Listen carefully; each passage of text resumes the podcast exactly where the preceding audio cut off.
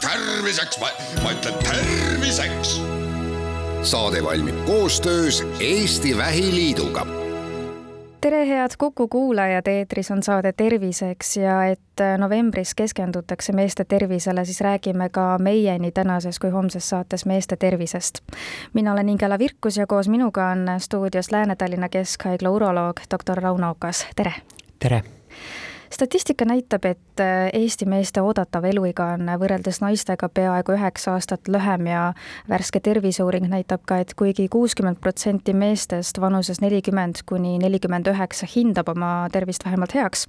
siis on vaid kakskümmend kaheksa protsenti neist normaalkaalus. ja lisaks on ka vererõhk kõrge enam kui pooltel meestest. mida teie arstina näete, milline on Eesti meeste tervis? mina näen seda, et see hästi palju sõltub äh, meie enda tervisekäitumisest ja terviseteadlikkusest. et väga terviseteadlikel ja, ja enda eest hoolitsevatel meestel on tegelikult minu hinnangul tervis võrdlemisi hea ja isegi kui esineb äh, siis kaasvaid haigusi või, või probleeme, siis on need käsitletud, ravitud, need on kontrolli all, nendega on selline selge, selge plaan ja regulaarne kontroll. ja, ja nende puhul on minu hinnangul tegelikult äh, tervis täitsa hea nüüd äh, samas igapäevatöös esineb tõesti ka neid olukordi, kus jõutakse ka haiglasse ka siis päris nii-öelda kiirabi või ja erakorralise meditsiini osakonna kaudu juba, juba väga suures hädas, et kus, kui nüüd tervisemuresid võib jaotada ühe jaotuse järgi näiteks ütleme väga sellisteks aegkriitilisteks, mis, mis vajavad väga loetud tundide jooksul tegutsemist ja, ja kiireloomulisemateks, mis, millel on Äh, ja, ja võib-olla siis äh, sellisteks, mis küll häirib tervist, aga millega tegelemiseks on nagu rohkem aega, et siis just nende kohati on isegi ka nende aegkriitiliste puhul seda pöördumist hiljem, et et äh, võib-olla, mida ma tahakski siit südamele panna või et mis võib-olla saatest kõlama või meelde võiks jääda, kui ikkagi on midagi väga äkitselt või järsku tekkinud, kas tugev valu või või mingisugune muu ennast väga hirmutav ja häiriv olukord, et siis pigem pöörduda varem ja kiiremini kui hiljem. et näiteks minu erialaselt mõned sellised seisundid või olukorrad, et kui tekib väga lihtsalt ootamatult järsku näiteks ühte munandisse väga tugev valu, et see võib olla selline olukord, kus munand on pöördunud ümber oma telje ja selle tõttu munandit verega varustavad sooned on kinni pigistatud. et seal on ka palju individuaalseid nüansse, aga kui tõesti see munad on ilma verevarustuseta, siis on orienteeruvalt kuus tundi see aeg, kus selle olukorra lahendamise puhul on võimalik see munad päästa, muidu võib see täitsa ära, ära kärbuda ja meie vajab pärast eemaldamist. et, et sellisel puhul äh, ongi, et pigem pöörduda varem, kui, kui mõelda, et noh, et, et vaatame, mis homme saab, et võib-olla läheb veel ise üle. ja, ja, ja teine selline olukord on näiteks kui ikkagi on uriinis silmaga nähtavalt verd, et, et kui sellega ei kaasne väga tugevat äh, urineerimishäiret või väga tugevat valu, siis siis vähemalt ikkagi järgmisel päeval või, või kui juhtub nädalavahetusel, siis järgmisel nädalal peaks ikkagi perearsti kaudu kindlasti pöörduma, et seda täpsemalt uurida. et ütleme jah, kui on näiteks veri uriinis või kuskil tekib väga järsku tugev valu, et nende puhul pigem pöörduda kiiremini kui, kui hiljem aga kas on midagi meeste tervisest rääkides sellist, mis on läinud aastatega paremaks, et te ütlesite, et tegelikult need terviseteadlikud mehed, kes äh, hoolivad tõesti oma tervisest, need käivad kenasti regulaarselt kontrollis ja nendega on nagu kõik hästi, aga on aastatega teie silmis läinud midagi eriliselt palju paremaks, on see teadlikkus väga palju tõusnud näiteks? minu hinnangul tõesti on see teadlikkus paremaks läinud, ühe näitena kas või see, et novembris toimuv meeste tervisele keskenduv kuu ja need arutelud, et need on iga aastaga aina, aina laiapindsemad. Ja et kui probleemide lahendamine või alustamine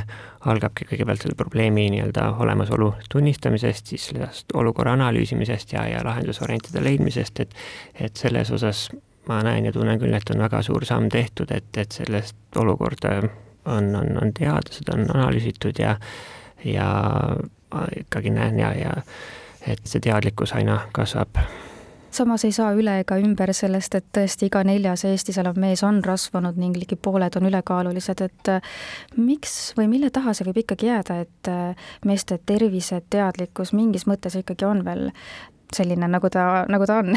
selle puhul on võib-olla see et arstile minnaksegi viimases hädas, kui valu on mhm. juba tõeliselt äh, suur ja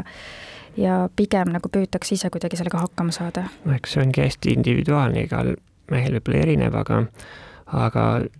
selle asja puhul võib-olla isegi see teadlikkus on iseenesest olemas, et, et ma arvan, et me kõik oskame kas või viktoriinis öelda, et mis on tervisliku eluviisi komponendid ja kuidas oleks kasulik, aga, aga reaalne elu, igapäevaelu alati ei võimalda kõike seda läbi viia ja ütleme, viimased aastad on eelneva kümnendiga võrreldes kui eriti stressirohked olnud, et alguses pandeemia, siis praegu käimasolev Vene-Ukraina sõda, et, et sellist nii-öelda muret, stressi ärevust lisaks kõigele muule eelnevale on, on, on väga palju ja, ja seda on, on tegelikult näha ka vastuvõtul käivatel patsientide puhul, et, et see mõjutab väga-väga suurel määral igapäevaelu ja, ja, ja eluviise ja, ja, ja pärsib kohati nende tervislike eluviiside rakendamist just, ei saa ju vähem oluliseks pidada vaimset tervist ja ikka veel kahjuks äh, on seda hoiakut ühiskonnas, et äh, mees ei vingu ega nuta ja ammugi ei lähe psühholoogi juurde. jah, just, et see,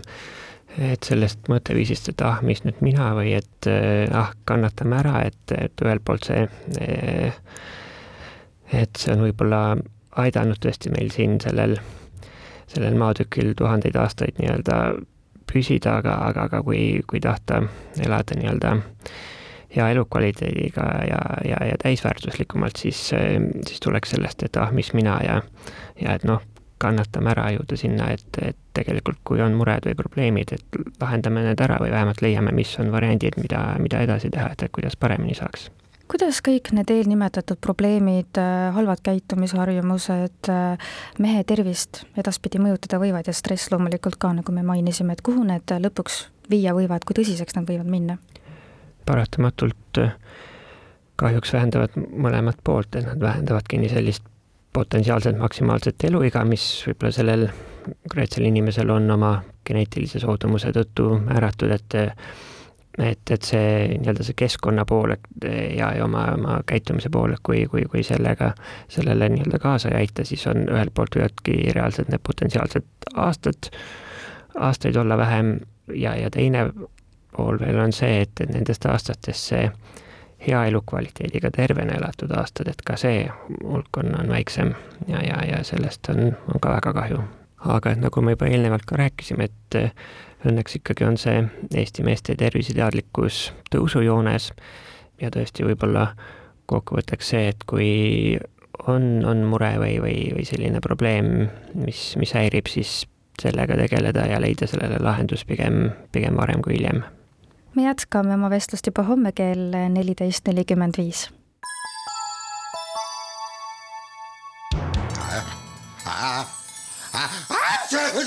Terviseks, ma, ütlen terviseks. saade valmib koostöös Eesti Vähiliiduga